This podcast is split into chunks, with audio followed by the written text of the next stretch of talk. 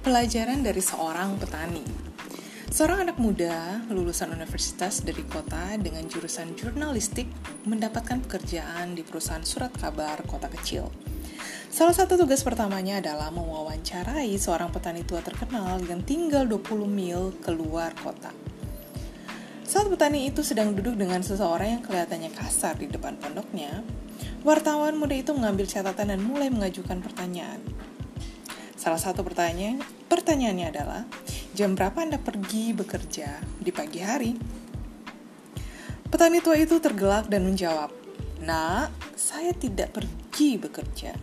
Saya tinggal di tengah-tengah pekerjaan. Kita dapat menarik pelajaran dari petani tua itu. Kesempatan-kesempatan mirip dengan pekerjaan. Mereka ada di mana-mana, tetapi persoalannya adalah kita sering tidak mengarahkan mata untuk melihat mereka. Ketika Anda melewati setiap hari, lihatlah sekeliling Anda. Waspadalah, jika Anda tidak melihat kesempatan, ingatlah, itu bukan karena mereka tidak ada di sana. Anda selalu berada di tengah-tengah mereka. Anda hanya perlu membuka mata dan melihat mereka. Sesederhana itu kemudian bertindak mengambil kesempatan yang ada. Apa sih yang sedang dicari sekarang? Yang lebih banyak meningkatkan dan lebih sedikit yang menolak. Yang lebih banyak pelaksana dan lebih sedikit pembicara.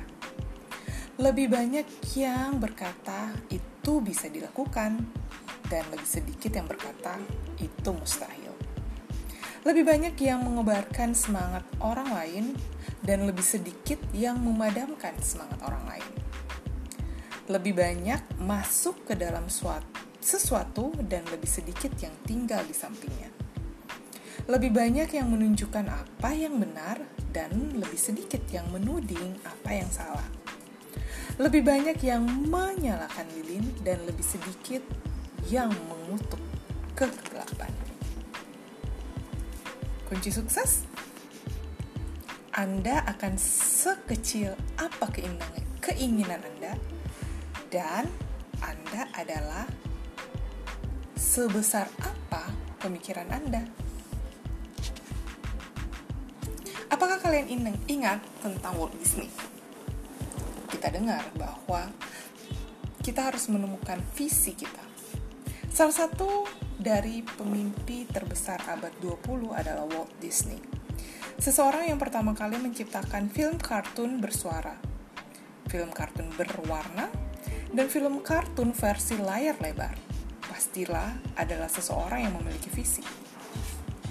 Tetapi mahakarya dari visi Disney adalah Disneyland dan Walt Disney World. Dan percikan visi itu datang dari tempat yang tidak terduga Kembali pada kedua putri Walt Disney masih kecil, ia biasanya membawa mereka ke taman hiburan di wilayah Los Angeles pada hari Sabtu pagi. Kedua putrinya sangat suka, begitu pula dengan dirinya. Taman hiburan adalah surga bagi anak-anak, dengan suasana yang luar biasa. Aroma popcornnya hangat dan gulali, warna-warni papan penunjuk wahana, dan suara teriakan anak-anak di roller coaster yang menuruni bukit. Perhatian Walt terutama tersita pada komedi putar. Saat ia mendekat, ia melihat kilasan cahaya warna-warni yang berputar dengan dinamis diiringi oleh musik ala komedi putar yang meriah. Tetapi, ketika ia semakin dekat dengan komedi putar itu berhenti, ia dapat melihat bahwa matanya tertipu ia memperhatikan bahwa kuda-kuda yang gemerlapan itu retak-retak dan terkelupas catnya. Dan ia menyadari bahwa hanya kuda yang berada di barisan yang paling luar yang dapat bergerak naik turun.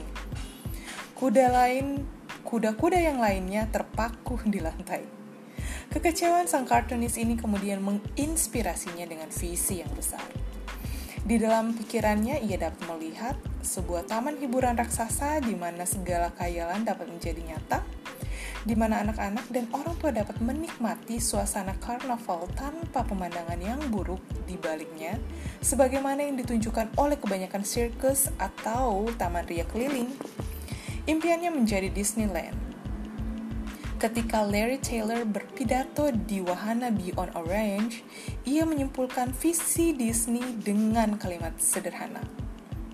Tidak ada cat yang terkelupas, semua kudanya bisa bergerak. Bagi Disney, visi tidak pernah menjadi masalah. Karena kreativitas dan keinginan untuk sempurna. Ia selalu melihat apa yang bisa terjadi. Jika Anda kekurangan visi, lihatlah ke dalam diri Anda. Gambarkan kemampuan dan keinginan alamiah Anda. Lihat panggilan Anda. Apabila Anda memilikinya, dan jika Anda masih belum merasakan visi untuk diri Anda sendiri, pertimbangkanlah untuk memegang visi seseorang pemimpin yang paling cocok kepada Anda. Lakukan lebih dari ada, yaitu hidup Lakukan lebih dari menyentuh, yaitu merasakan. Lakukan lebih dari melihat, yaitu selidiki. Lakukan lebih dari membaca, yaitu resapi. Lakukan lebih dari mendengar, yaitu perhatikan. Lakukan lebih dari memperhatikan, yaitu pahami. Lakukan lebih dari berpikir, yaitu renungkan lakukan lebih dari berbicara. Katakan sesuatu.